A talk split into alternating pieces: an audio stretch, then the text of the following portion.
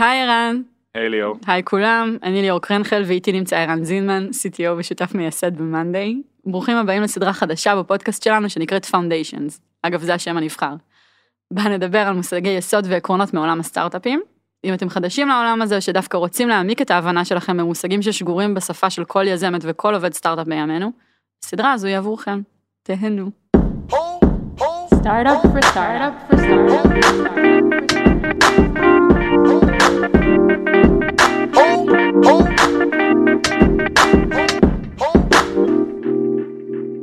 בפרקים הקודמים בפאונדיישנס דיברנו על ההיסטוריה של חברות SaaS, התחלנו לעבור על המטריקות העסקיות שמנחות את החברות הללו, ARR, CAC, אם עוד לא שמעתם אותם, במקרה של המיני סדרה הזו אנחנו ממש ממליצים לשמוע את הפרקים לפי הסדר. בפרק של היום נדבר על LTV, שזה ראשי תיבות של Lifetime Value של לקוח. עד כאן אני מקריאה מהדף. אני רגע אגיד שהיו לנו שאלות, אפילו שאלות טובות, והפעם אנחנו מנסים הפוך ונענה על השאלות בסוף. אז LTV, יאללה. Lifetime Value, רגע תגיד את זה בעברית. אה, להגיד את זה בעברית מאתגר.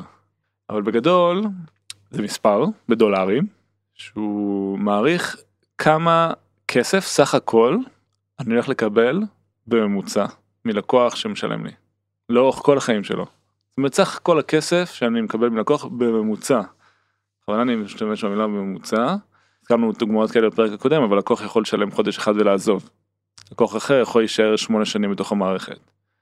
אז אה, לקוח שלישי יכול להתחיל אה, בשנה ראשונה לשלם X ואחר כך להגדיל את השימושיות שלו ולשלם יותר בשנה שנייה. נכון. אנחנו ממש אה, מסבכים. לא, נכון, ויכול לעשות downgrade, יכול לשלם יותר בהתחלה ופחות בהמשך. אז יש שינוי תוכניות, ביטול, ואי אפשר אני חושבת להמשיך את הפרק בלי רגע באמת לחבר את זה ממש נקודתית ל CAC. כי אם בפרק הקודם דיברנו על כמה כסף נוציא כדי להביא לקוח, אז כדי להבין אם ישתלם לנו בגדול, מפשטת את זה, אם ישתלם לנו לשלם כל כך הרבה או כל כך מעט על לקוח, צריך שנייה להבין כמה הוא יכניס בחזרה. נכון. אז תראי, אז פה, כאילו אני חייב לתת אינטרו למטריקה הזאת, כי יש לי את המערכת יחסים מאוד מאוד מורכבת עם המטריקה הזאת. כאילו דבר ראשון היא ממוצע של ממוצע, כאילו היא הערכה, כמה אני הולך להרוויח מלקוח בממוצע, שזה שני ממוצעים, אז כאילו היא מאוד מאוד חשובה בשביל להבין את המכונה הפיננסית שאנחנו בונים בתור חברת סאס, היא מאוד חשובה בתור סדר גודל, להבין איפה אנחנו נמצאים. אז זה לא מטריקה שאני מסתכל עליה ברמת הדשבורד או שאני עוקב אחריה ברמה חודשית או רבעונית. דיברנו בפרק השעבר על כמה מורכב למדוד אה, קאק? וכמה זה נתון לפרשנות. זה, וואה, כאילו אי אפשר, אני לא יודע איפה להתחיל אפילו בדבר הזה. אבל היה שלב בחברה שכאילו כן הסתכלת עליה יותר קרוב? כן, עכשיו תראי, זה מטריקה שמשקיעים אוהבים לשאול, וואו. זה משקיעים- נכון, אם אתם כן. באים למשקיע ואומרים לו אנחנו חברת SaaS, טוב מה ה CAC, מה LTV, מה הרשיו, זה, זה כאילו שולף את זה ככה בעיניים עצומות. זה גם מטריקה שאם תעשו חיפוש בגוגל ותחפשו נוסחה לחישוב LTV, כמות הווריאציות ש, שתמצאו לדבר הזה היא אינסופית. טוב בוא, בוא, בוא נתחיל אה, דווקא מפשוט, בסדר? כן. שאנשים זה ייכנס להם עשית למוח. disclaimer, כן, לא הולך להיות פשוט, אבל בוא ננסה לפשט בהתחלה. טוב. חלק אחד מלא להיות פשוט, וזה אני אסביר דרך הדוגמה, שזה משהו שאתה תמיד אה, מסתכל מהעבר ומסיק לעתיד. תראו, גם CAC, בסדר, אני מחשב CAC על משהו שכבר עשיתי. אז, אז בוא נגיד שאנחנו חברת אה, SaaS, והתחילו לשלם לנו שני לקוחות, באותו זמן. הדוגמה הכי פשוטה בעולם, לקוח אחד משלם לנו 50 דולר לחודש, זה התוכנית שהוא קנה, ולקוח שני משלם לנו 80 דולר לחודש. הלקוח הראשון השתמש במערכת עשרה חודשים, עזב.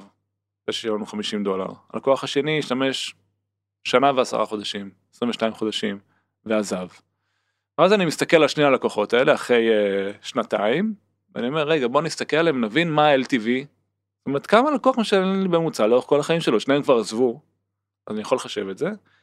אני אומר, אוקיי, לקוח אחד שילם לי 50 דולר עשרה חודשים, סך הכל שילם לי 500 דולר.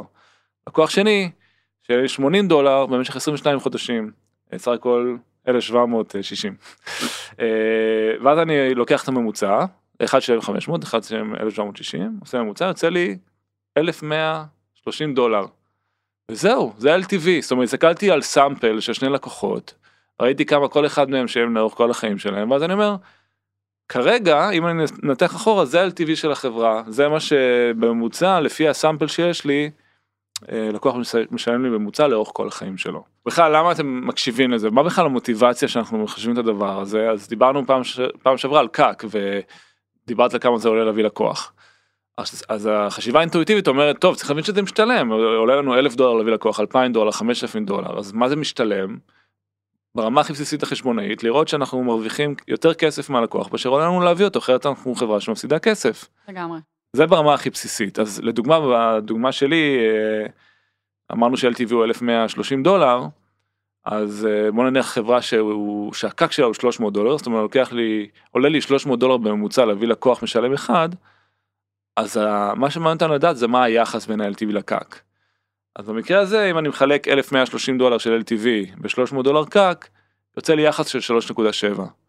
זה אומר שאני משקיע כסף ב marketing ומביא לקוחות משלמים ועליו אני במרכאות עושה פי 3.7. כן 3.7x אבל זה לא מיד בסדר זה לא אני לא מוכר מכונות כביסה זה לא שעכשיו אני בא ואני מביא לקוח שאני אחרי זה מוכר לו ואני מקבל את כל הכסף זה לאורך החיים של הלקוח.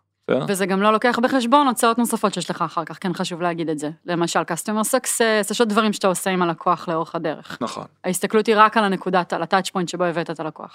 אה, כן למרות שאני אסייג פה משהו. אה, שמסתכלים אה, בחברות ציבוריות אנליסטים ומנסים לה- להבין מהנתונים האלה מה הקאק ומה LTV אז הם תמיד לוקחים את זה אחרי הגרוס מרג'ין זאת אומרת הם מסתכלים על הכנסות אחרי גרוס מרג'ין גרוס מרג'ין זה אומר אה, אחרי הצעות שעולות לי בעצם לתפעל את הלקוחות. אה, אנחנו בוא נגיד חברה שהיא early stage private company לא צריך לעשות את זה כי באמת זה לא עושים את זה כי זה זניח כן, זה בדיוק. ב- ביחס להוצאות השיווק אבל אבל אין ספק שחברה צריכה להתחשב גם בזה. בסוף חברה כאילו היא מטרתה להרוויח כסף. חברה מטרתה להכ... ל- להכניס כסף, אבל חברת סטארט-אפ בתחילת הדרך מטרתה לגייס כסף, והיא משקיעה, כמו שאמרת קודם, מסתכל על הריישיו של ה-CAC LTV, כן. ורוצה לראות מספר גבוה, והם לא יכניסו כרגע הוצאות נוספות נלוות להבאת לקוח, זה בסדר, נכון. נכון? כן תראי אמרתי שמשקיעים אוהבים את המטריקה הזאת. אז הם רוצים לראות דבר ראשון שאתה לא עושה שטויות זאת אומרת שאתה לא מוציא המון המון המון כסף בשביל להביא מישהו שמכניס לך פחות כסף ברמה הכי בסיסית. אמ, אבל זה מעבר ל... שזה מספר שהוא יותר גבוה מאשר הקק אלא זה צריך להיות משמעותית יותר גבוה. אה, בדוגמה שנתנו אמרנו 3.7 אז ש- ש- אפשר לשאול כאילו מה מה הגיוני זאת אומרת מה היחס הגיוני. אז מן הסתם פחות מאחד לא הגיוני זאת אומרת זה אומר שאני מפסיד. מפסיד כסף. אבל בוא נחשוב שנייה אינטואיטיבית אחד וחצי הגיוני? לא.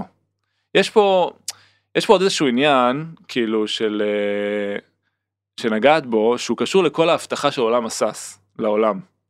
הרבה חברות SaaS מפסידות כסף.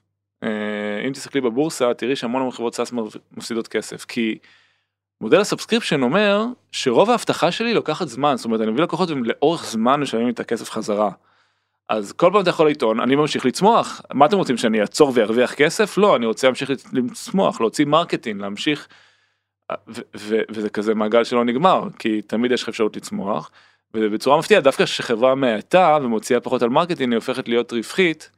כי יש לה בעצם את כל המומנטום של ה recurring שמגיע וזה בא על חשבון הצמיחה והגדילה שלה. נכון אז אה, זה טוב להיות חברה רווחית בתור חברה SaaS או לא טוב להיות חברה רווחית. זה שאלה- תלוי באיזה שלב.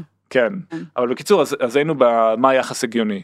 אז אמרנו פחות מאחד לא הגיוני, אבל גם אחד וקצת זה לא הגיוני, למה? כי תחשבו שאני מוציא מלא מלא כסף להביא לקוח, וכל מה שהוא עושה זה טיפה מעל מה שאני מוציא. אבל את מה שאני מוציא אני מוציא עכשיו, מה שאני מכניס אני מקבל לאורך זמן, לאט. זה לא טוב, זה נשמע חברה לא בריאה. המג'יק נאמבר, בוא נגיד איפה שהעולם נמצא ביחס שהוא הגיוני זה סביב השלוש. אה, שוב, כלל אצבע. כלל האצבע, כן, 3, 4x, אה, בוא נגיד, כל מקום בין 3 ל-5x זה מקום טוב להיות בו. מה זה אומר? שאני מוציא כסף ואני מקבל לאורך החיים של, הלקוח, החיים של הלקוח 3x או 5x על מה שהוצאתי. אז אפשר להגיד למה, למה 10x זה לא טוב? זה לא טוב. כי משקיע הגיוני שאתה תבוא, או אפילו הציבור, תבוא ותראה לו את זה, תגיד אני, על כל לקוח שאני מביא אני מרוויח אה, 8x. מה תהיה השאלה הבאה? למה אתם לא מוציאים יותר על marketing? אתם יעילים מדי, אתם יכולים יותר אגרסיביים בצמיחה שלכם, משהו לא הגיוני. ואם אתה, אנחנו נמצאים פחות מאזורי השלוש, נגיד אזורי השתיים או אחד ומשהו, אז יבוא משקיע ויגיד תקשיבו אתם מוציאים כסף בפזיזות יותר מדי כסף להביא לקוח משלם העסק הזה לא יחזיק הרבה זמן. אה, יש פה בעיה תהיה בעיה של תהיה- יהיו כל מיני בעיות כאילו בהמשך הדרך זה לא הגיוני. אז אני חושב שהיחס הנכון הוא להיות בין 3 ל-5. כל זה גם כמובן בהנחה שיש לך שוק גדול לגדול לתוכו, כי אתה כל הזמן מניח הנחה על שוק שהוא אינסופי. נכון שכאילו אני יכול עדיין להגיד, להמשיך כן. להוציא marketing כן כן. אבל כל משקיע בחברת SaaS. בוא נגיד רוצה להיות תחת ההנחה שהשוק הוא infinite או לפחות סדר גודל של אה, של מה שהחברה נמצאת היום בכמה סדרי גודל. כן, כן. אה, חוץ מכשהוא לא. נכון, ואז הוא לא ישקיע. אז אז כאילו אנשים לפעמים שואלים אה, טוב אז מה קאק אם אני אחזור מקודם אז אני אני תמיד שואל אחרת מה LTV זאת אומרת צריך להבין כמה לקוח אה, כמה הגיוני להביא לקוח משלם. תלוי כמה אתה תרוויח ממנו לאורך החיים שלו. ו... כן, ולחבר את זה באמת לנתונים שפעם קודמת הראינו כמה רמות קאק לחברות שונות, והיו שם מספרים גם באלפי דולרים.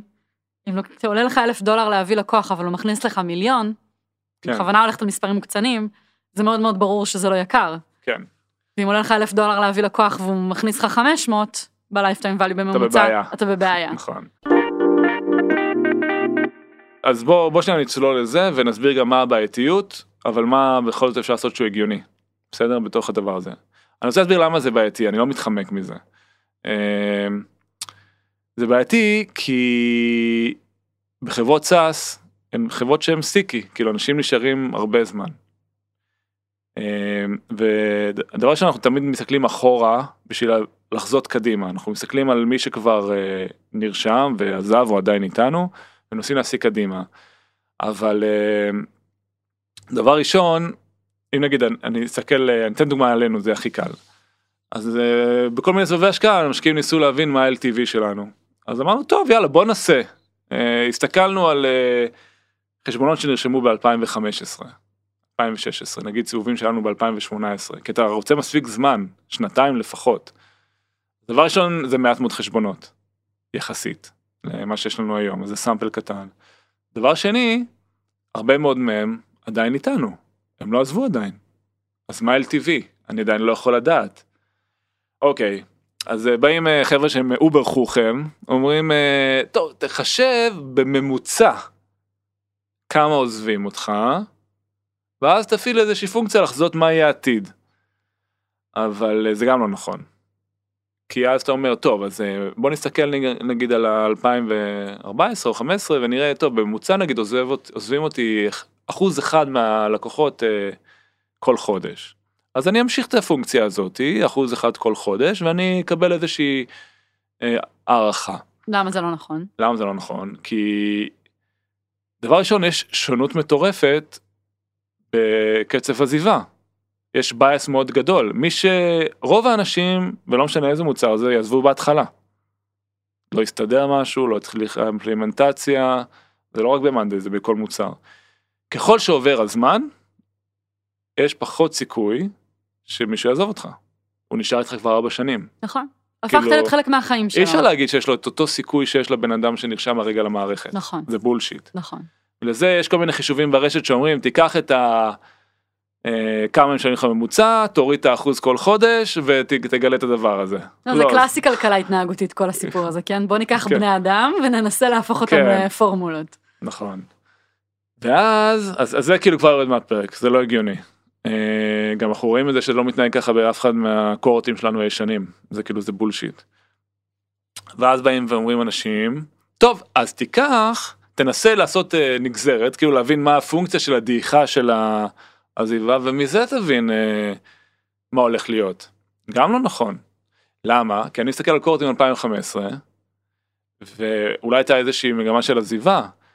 היום אנחנו ב-2018, מה שאנשים משתמשים היום במוצר שונה שנות אור ממה שהשתמשו ב-2015 מבחינת יכולות, איכות, UX, stickiness בתוך המוצר, והדבר הזה יהיה נכון גם עוד שלוש שנים. אנחנו פתאום רואים שלקוחות ממשיכים ועולים כאילו מה, ממה שהם היו, זאת אומרת זה לא שהם ממשיכים לרדת, אלא ה-cohortים משתפרים פתאום, כי יש שיפורים במוצר. אז מה עכשיו אני צריך להניח, הרי הם לא משתמשים, הרי זה SaaS, זה דינמי, הם, הם מקבלים עדכונים לתוכנה כל הזמן, מהמם. הערך שהם מקבלים עולה, אז אני צריך למדל, לנעול את הערך שהם קיבלו ב-2015? לא הגיוני. ואם אתה נועל אותו שנה קדימה? אם אתה אומר, אני מסתכל על LTV של שנה, לא משנה מה. אבל אנשים נשארים הרבה יותר משנה. אם אני אסתכל רק על שנה, המספר לא יהיה כלכלי ביחס לקק. אה, זאת אומרת, אה, אלה, כאילו, את מבינה? אנשים נשארים הרבה יותר שנים. אז מה אתה. עושה? חוץ מלהגיד שזאת מטריקה שקשה לך לא. אני מסביר את הקושי. לא, אני איתך, אני אומרת אה, באמת, מה עושים? כן. לא, כי יש משקיעים שבאים לי, מה מה LTV שלך? לא, ברור, בסדר. מה, 6,200? מה זה יש משקיעים? אמרתי, כל משקיע כן. בסאס ירצה לדעת את המטריקות האלה, יש לו אגב אקסלים עם מודלים של כל החברות וואו, הקודמות שהוא איך- איך אני נהנה לדבק את המודלים האלה, כן. רק מחפשים את המספרים כדי להכניס את כן, זה לא, למודל רוצים אחר, אה, מספר מדויק. וייצא מג'יק להשקיע או לא להשקיע נכון, בסוף. טאדאם. כן. לא באמת, זה, בגלל זה חשוב להבין את המטריקה וכן חשוב להבין איך עובדים איתה, כי אין את האפשרות לבוא כן. ולהגיד, שומעים, אנחנו לא מודדים LTV. זה, לא, נכון. גם, זה גם לא מה שאתה מציע ליזמים פה. זה מה שאני מציע. אז uh, אני אגיד לכם מה אנחנו עשינו, כי בסוף, אוקיי, אז אנחנו רוצים להסתכל, להבין איפה הדברים נמצאים. אז מה שאנחנו עשינו, uh, אנחנו עשינו גרף, שבעצם uh, מסתכל ברמה רבעונית, או ברמה חודשית, לא משנה מה, uh, על קבוצות של לקוחות שהתחילו בזמן מסוים, נגיד בכל חודש, או כל רבעון, ובעצם מסתכלים על ההתנהגות שלהם לאורך זמן. כאילו אנחנו עוקבים אחרי זה. קוראים לזה קוהורט. כן, קוהורט. ותשמעי, אחד הדברים המעניינים שגיליתי, שזה גם לא אינטואיטיבי בכל החישובים האלה, שיש שונות מטורפת בין קוהורטים. זאת אומרת, ראיתי שלקוחות שמתחילים ברבעון הראשון לא דומים ללקוחות שמתחילים ברבעון השני, ב... כאילו ממש זוויות אחרות לגרף. מעניין. כן, ממש, גם יש עונתיות, גם יש, אה, פתאום עשינו איזושהי קפיצה במוצר, אז כאילו רואים את זה ממש בקוהורט. ואז נגיד היה, היה, מספ... היה, חוד... היה כמה חודשים שראיתי שהיו, שהגיעו לפלט. זהו, נגמר. מצד שני, יש לי חודשים מ-2014 שממשיכים לעד. אז אנחנו מציירים אותם על גרף ומנסים להבין כאילו בגדול אינטואיטיבית לאיפה זה הולך להתכנס. יש כאלה שפתאום מקבלים זווית למעלה, יש כאלה שפתאום מקבלים זווית למטה. שרק תגיד מה המשמעות של זווית למעלה, מה זה אומר? תראו, נגיד סתם, יש, יש אה, cohort נגיד 2015 שאיזושהי חברה מאוד גדולה שנרשמה, הייתה רדומה, חשבון קטן, פתאום sales תפס אותם, ושדרג להם את ה-account אה, בכמה סדרי גודל, פתאום ה-cohort הזה מקבל bump למעלה. אז to make a long story short, אנחנו מסתכלים על הגרף הזה ואנחנו מנסים ככה להעריך סדר גודל, אה, איפה נמצא כל cohort, אה, ולהבין בעין איפה זה הולך להתכנס, זה לא משהו מתמטי, ולקבל סדר גודל, וזה יותר בשבילי לראות שאנחנו בריאים ב-acquisition שלנו, אה, ולראות גם שיש מגמת שיפור. שוב, אני חושב שתמה אחת שעולה בכל הפרקים, זה שבסוף המדידה הזאת היא בעיקר אפקטיבית כדי למדוד את עצמך מול עצמך ולראות שיפור לאורך זמן, מאשר אה, רמה אבסולוטית אה, בהשוואה מול חברות. סדרי גודל זה, זה טוב להשוות אבסולוטית אה, בין חברות, אבל ברמת הקומפריסון אני חושב שזה מאוד מאוד עוזר שאתה תוכל להשוות את, את עצמך מול עצמך. זה אומר ממש, אני לוקחת את זה רק עוד צעד קדימה, ממש שכשאנחנו מראים גרף של משהו, אנחנו תמיד נרצה להראות אותו לאורך זמן. אנחנו לעולם לא ניתן נתון אה, מספרי בנקודת זמן אחת. נכון. כי זה חסר קונטקסט לעצמנו. גם אם זה טוב ביחס לחברות אחרות, ברגע שלחברה יש היסטוריה, בעיקר צריך להראות, כמו שאתה אומר, שזה משתפר אצלנו. נכון. אה, גם לאורך זמן וגם בתקופות זמן שונות כי כמו שאמרתי יש עונתיות, שונות כן. יש עונתיות יש שינויים פתאום שיש במוצר או בפלטפורמה או לא יודע מה אז חשוב מאוד להסתכל על זה לאורך זמן ולפי תקופות אה, ויש גם וולטיליות אז להסתכל אולי בחודשי או רבעוני או חצי שנתי כאילו בתקופות זמן שבעצם קצת ישטחו את ה... את העקומה. כן. אה, שטחו את העקומה זה חזק בימים אלו צ'בנג. בבקשה. לא, אני מוצאת את עצמי אומרת על כל דבר, אה, טוב, בוא נבין את המתווה. זה עד כדי כך, זה חדר לי לחיים הדבר הזה. כן. טוב, נבין את המתווה ונתקדם משם, לא? אז תראו למי, ש, למי שרוצה ליהנות אה, ולחפש בגוגל נוסחאות אה, LTV יש אלפים. אה, אז אה, נתתי כמה את הבסיסיות יש אה, יש כאלה שממש אה, אה, עם חישובים מתמטיים כאילו מורכבים עם סדרות הנדסיות שמתכנסות לפי קצב דעיכה מסוים יש יש המון המון המצאות. אבל אני חושב ש... בוא נגיד זה כלי שהוא בעיקר משרת אתכם למעקב. משקיעים, אז פה צריך להיות חכם, בסדר? לתת איזושהי אסטימציה איפה אתם נמצאים, ותראו שזה גם בשבילכם וגם בשביל אה, משקיעים שאתם פוגשים, זה שם אתכם ביחס טוב כאילו בין, אה, חברות דומות לכם, כן. כן, ובתכלס אני עד היום לא יודע בדיוק מה המספר. אני יכול להעריך ואני יודע, יכול להגיד עלינו שאני, מכל האסטימציות שעשיתי ביחס לקאק שלנו, שהוא סדר גודל של אה, 1,300 דולר, אה, ה-LTV הוא בערך אה, 5x אה, על הדבר הזה, מכל החישובים שעשינו, אבל להגיד לך שזה מדע מדויק? לא. כן, בסיבובים שונים, עשינו כל מיני data rooms והסברנו את ההנחות שלנו והראינו את, ה... את היחסים האלה בעצם מול, ה... מול ה-CAC.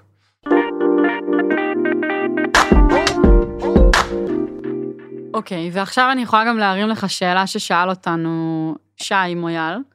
בעצם אתה אומר שאחת הסיבות שאתה עובד עם LTV זה כי צריך. כי השוק עובד ככה, כי זאת מטריקה שמצפים שתמדוד. לא, זה גם חשוב לראות שהעסק הוא כלכלי. כן, אבל כן. אתה אומר, זה דיכוטומי קצת, כלכלי או לא כלכלי. זאת אומרת, הבנת את זה פעם אחת, עכשיו בניואנסים אתה ממשיך למדוד את זה? כן, לראות שלא משתנה משהו דרמטי. כן, וגם כי מבקש- מצפים ממך. כי זה נתון שאתה אמור לדווח אותו בכל מיני נקודות זמן בחיים של חברה, נכון? כן.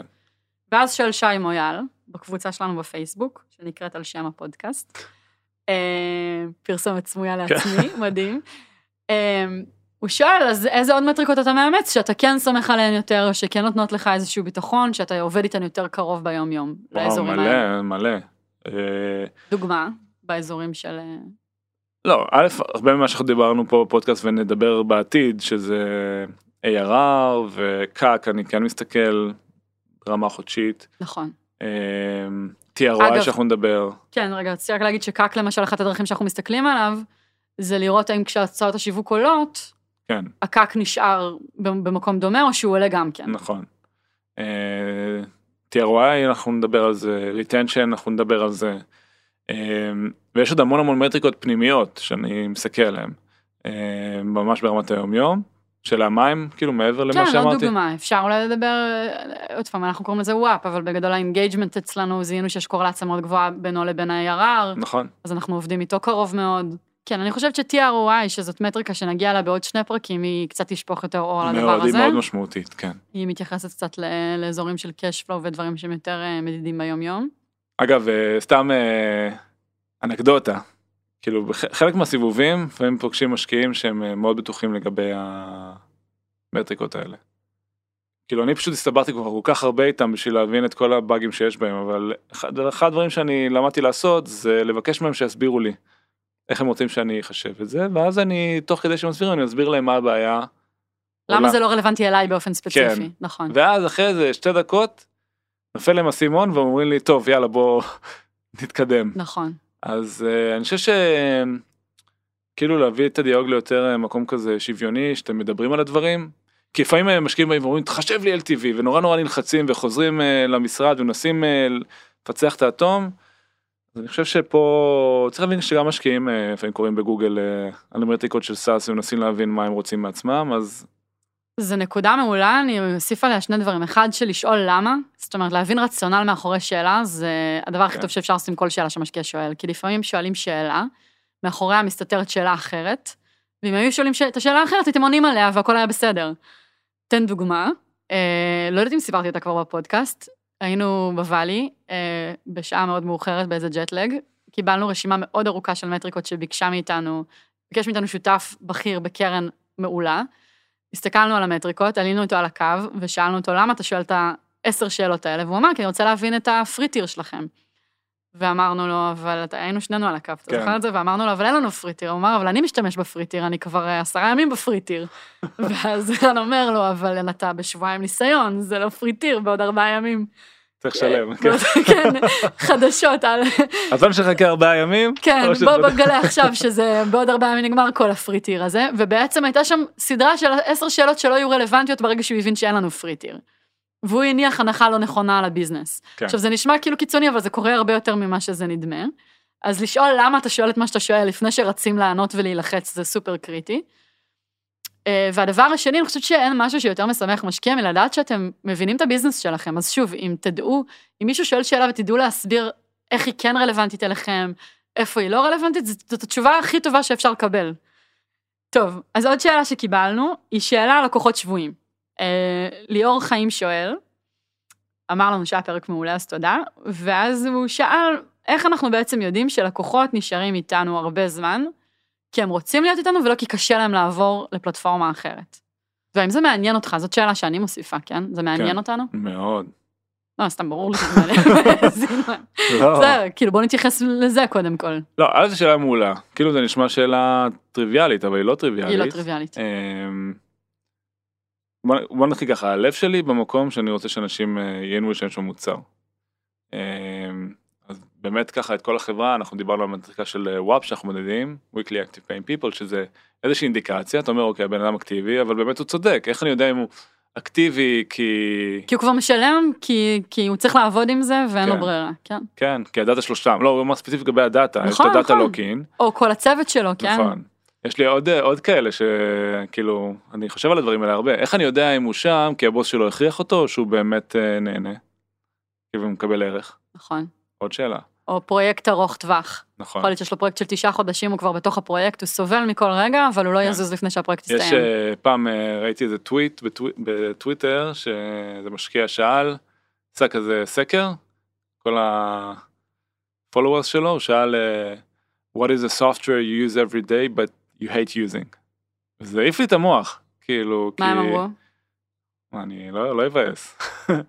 לא, נגיד Salesforce, טוב, אני צריך להגיד עכשיו 17 disclaimerים, כי אני חושב שזו חברה מדהימה וכאילו, כן, בוא ניקח משהו consumerי אז. לא, לא היה, זה, הוא לא שאל B2B, היה, הוא שאל לא B2B, היה. לא, הוא שאל כאילו כן. בעבודה. כן, אה, הזכירו את Jira נגיד כמה פעמים. כן, עכשיו, מה אני, לעומת ספר Jira, כן, חברות נכון. שאני מעריץ, נכון. אבל זה כאילו, זה עשה לי מחשבה, עשה לי כאבי בטן, כאילו, אתה יודע מה, בוא נגיד את זה טיפה יותר high-level למי שלא מבין ולא מכיר את החברות האלה. אני יכולה להגיד, להגיד ש-messaging, כל, כל אפליקציית messaging, בין היא מ-Slack, בין היא מ-WhatsApp, בין היא מ-SMS, בין היא מ-Messenger של פייסבוק, מבאסת לי את החיים.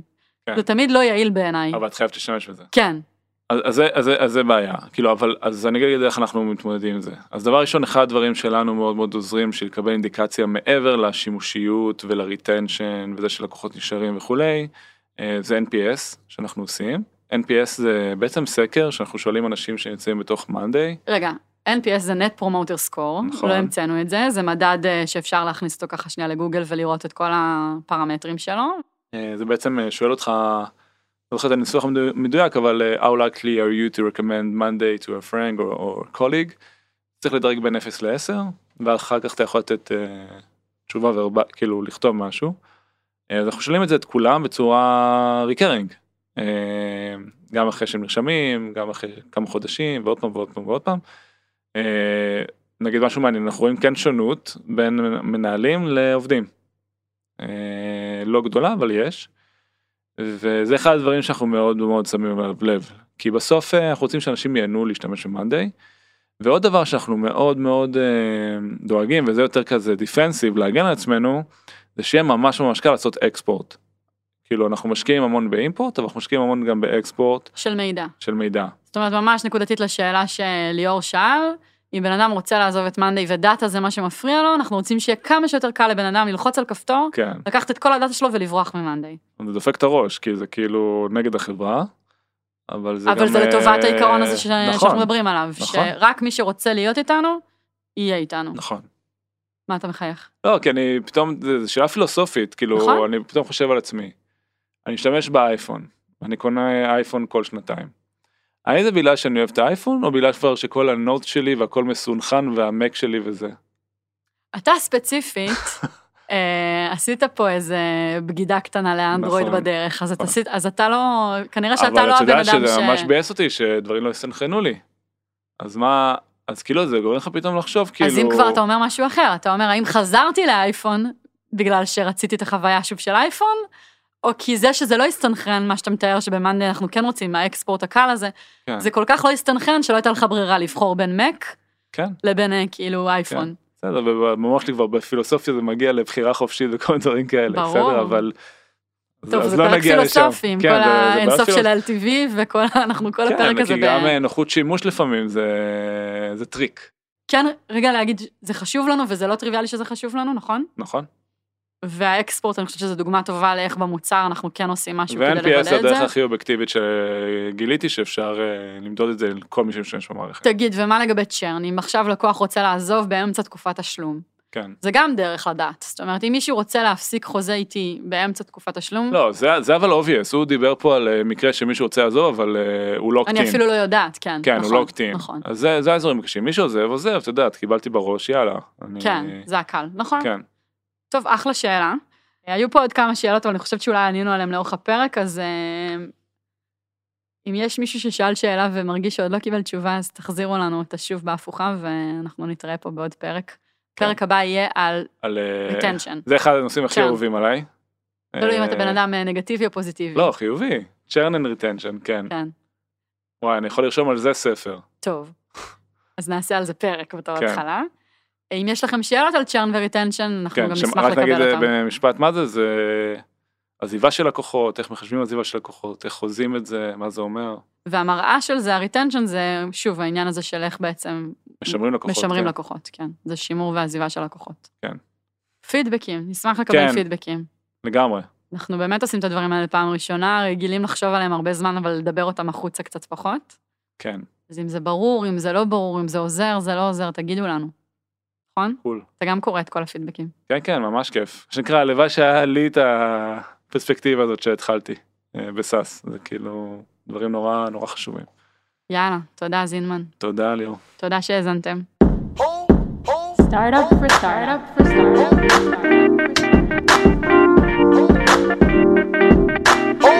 Oh,